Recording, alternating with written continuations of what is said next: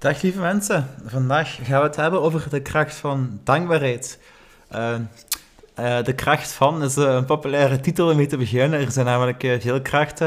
Ik heb het ook al gehad over de kracht en de eenvoud van de Wim Hof methode. In aflevering 130 over de Wim Hof methode heb ik het ook over ja, de kracht van dankbaarheid in mijn beschrijving gezet. we gaan het nu even niet zozeer over die Wim Hof methode hebben, maar wel over die dankbaarheid. Wat is dankbaarheid? Ben momenteel bezig met het boek ehm, Becoming Supernatural van uh, Joe Dispenza aan het lezen. Heel boeiend en ook helder uitgelegd over uh, kwantumfysica. Ik ga het uh, over enkele dagen wel uit hebben. Als ik me ergens op toezet, dan gaat het wel goed vooruit. En het is ook heel boeiend. het gaat over mediteren en visualiseren. En een handige tip die onze Joe gebruikt is dankbaar zijn. Waarom? Dan straal je een hoge frequentie uit. Als je dankbaar bent, dan kan je niet aan angst denken eigenlijk. En dan ben je eigenlijk ook gelukkig. Ehm, nu, nu komt hij, hier komt hij. Uh, als je dankbaar bent, dan moet er eigenlijk al iets gebeurd zijn. En daarom is het interessant als je iets visualiseert, dat je al, al dankbaar bent eigenlijk. Um, want zo kun je sneller nog iets manifesteren als je... Het is eigenlijk de truc om te doen alsof je het al hebt. En als je dankbaar bent, dan veronderstelt eigenlijk dat je al iets hebt gehad. Uh, dus zo kom je echt al in die staat van als je nog iets wilt willen. Ik weet niet of het duidelijk is, maar ik verwijs hem graag door naar zijn boek en ook uh, naar uh, verderop in mijn podcast. Uh, ja, die dankbaarheid is mooi, want ja, je bent dankbaar voor wat je hebt en je kunt zelfs manifesteren. je kunt zelfs dankbaar zijn voor de dingen die je niet hebt en dan kunnen ze ook nog zo komen eigenlijk. Dat is ook wat Joe Dispenza zegt. Maar zeker in ons ja, Westen, België, Vlaanderen, ja, ik spreek ook vooral vanuit mijn positie, maar ik denk dat jullie een beetje gelijkaardig zijn uh, is, uh, ja, mogen dankbaar zijn voor wat er is eigenlijk. Ook zeker de kleine dingen. Ze zeggen altijd, geluk zit in de kleine dingen. Dat is een cliché, maar als ze dat nu eens toepassen. Uh, de zon scheen, er was een mooie wind, mooie herfstkleuren. ik heb een mooi huis, mooi opgeruimd ook. Het is niet alleen manifesteren, maar ook werken, ook in het huishouden. Dat geeft ook veel voldoening. En veel dingen bestaan dan ook uit... Veel dingen, veel mooie dingen bestaan ook met een V. Dus vertrouwen, voldoening, variatie... Uh, vrouwen, ja, wat nog allemaal, ik ben precies uh, de tel al kwijt. Uh, dus ja, um, het is heel belangrijk, um, als je dankbaar bent, dat je iets hebt, dat je ook weet voor wat je dankbaar bent. En met die hoeveelheid eigenlijk. Hè.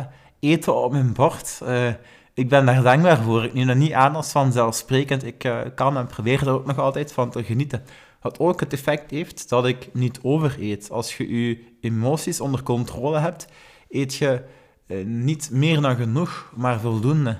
Dan houd je ook nog iets over voor morgen. Ik zeg altijd, pluk de dag, maar hou nog iets over voor morgen. Wees niet te gulzig. Veel mensen leven in schaarste. Denk maar aan het hamsteren of ja, pakken, pakken, pakken.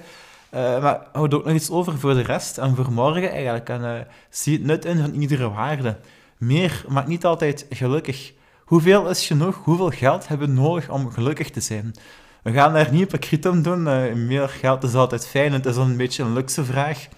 Maar vanaf een bepaald moment stopt het genot eigenlijk ook wel. Hè? En daar moeten we ons ook bewust van zijn. En dat is een mooie filosofische vraag eigenlijk, van hoeveel geld moeten we hebben.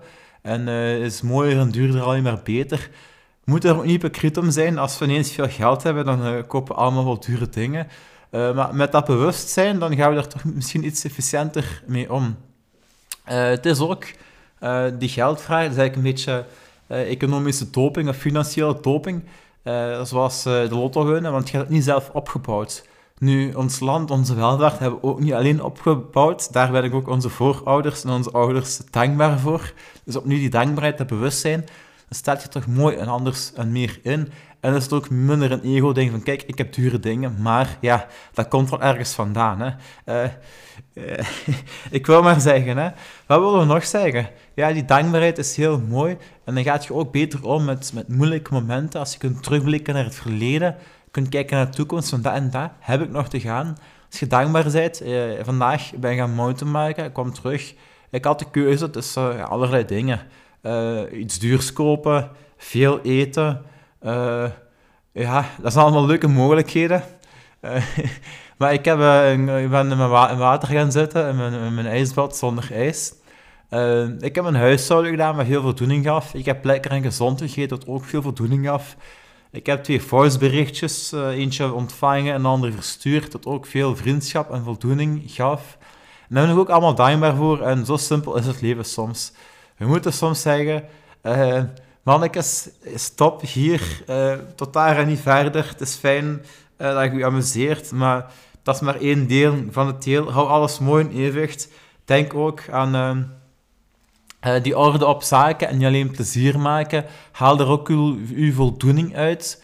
Um, ja, en dat geeft veel ook balans eigenlijk. Hè? Want uh, alleen, alleen maar huishouden op orde hebben, dat is ook maar saai. Maar proef en pluk van alles een beetje en uh, met mate en niet te veel.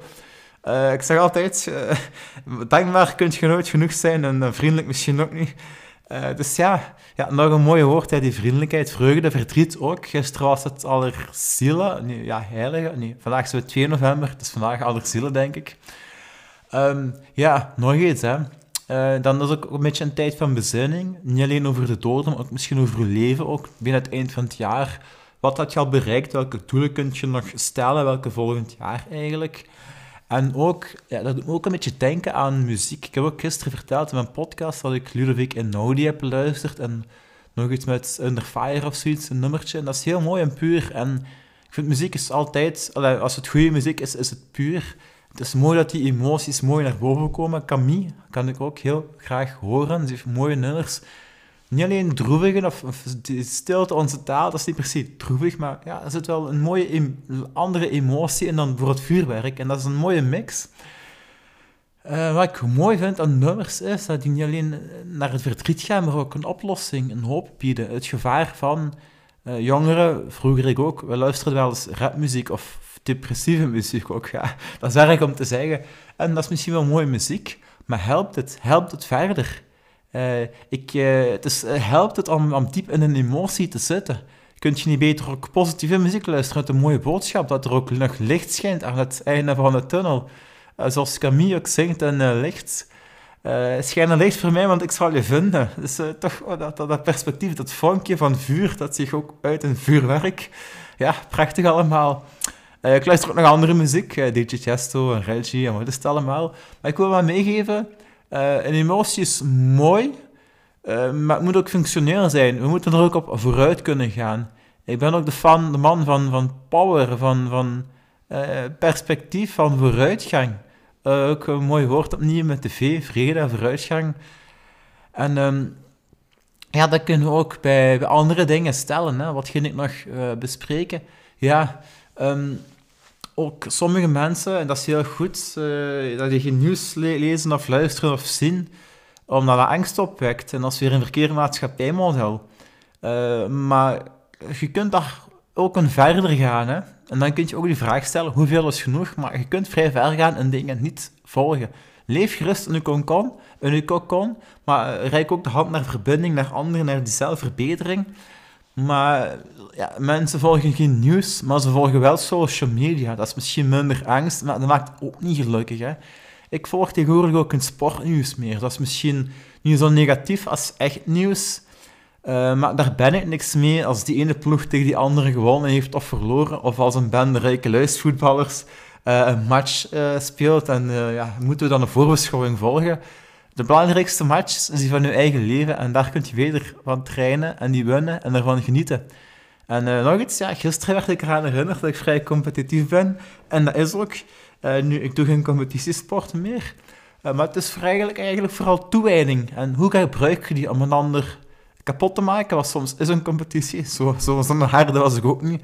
Maar om zelfverbetering, om vooruitgang, om de groep beter te maken. En daarin voel ik me ook mooi en positief in. En daar gaan we voor persoonlijke groei, mannetjes, we gaan stilaan afronden, doe je niet alleen. Daarom doe ik deze podcast niet alleen. Daarin verspreidt ook een beetje die missie, dat, dat vonkje, wie weet pikt iemand dat op.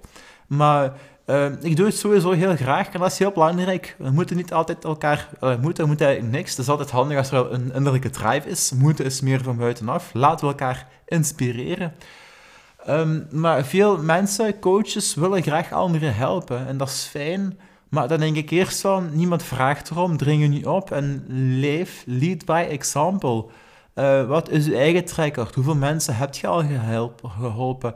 Uh, welke impact heb je? En als je dat een ander kunt voorleggen, dan is dat al geloofwaardiger. Mensen willen ook al ja, uh, als Club Brugge een nieuwe coach pakt, dan pakken ze geen nieuwkomer, toch met een, een palmares eigenlijk. Hè? Maar ook dat, dat is, dat is nog iets anders dan ervaring. Je hebt ervaring en je hebt passie, en dan ben ik nog altijd meer de man van passie. Want de ene passie kun je omwisselen, uh, transformeren naar de andere, omdat de passie blijft. En als je tien jaar dat hebt gedaan, en je doet die naar iets daar anders, dan is vooral die, die passie van die tien jaar die je meepakt eigenlijk. Voilà. Wat je vandaag meepakken, dat we vooral dankbaar moeten zijn. Heb je het uitgeluisterd? Ben ik ook heel dankbaar om, uh, dat je dit geluisterd hebt natuurlijk. Je mag ermee doen wat je wilt. Vertel het verder. Luister nog eens opnieuw of doe gewoon niks. Allemaal genoeg. Uh, dankbaar zijn is ook genieten, dus doe dat vooral. Uh, groei, geniet. Voilà, ciao.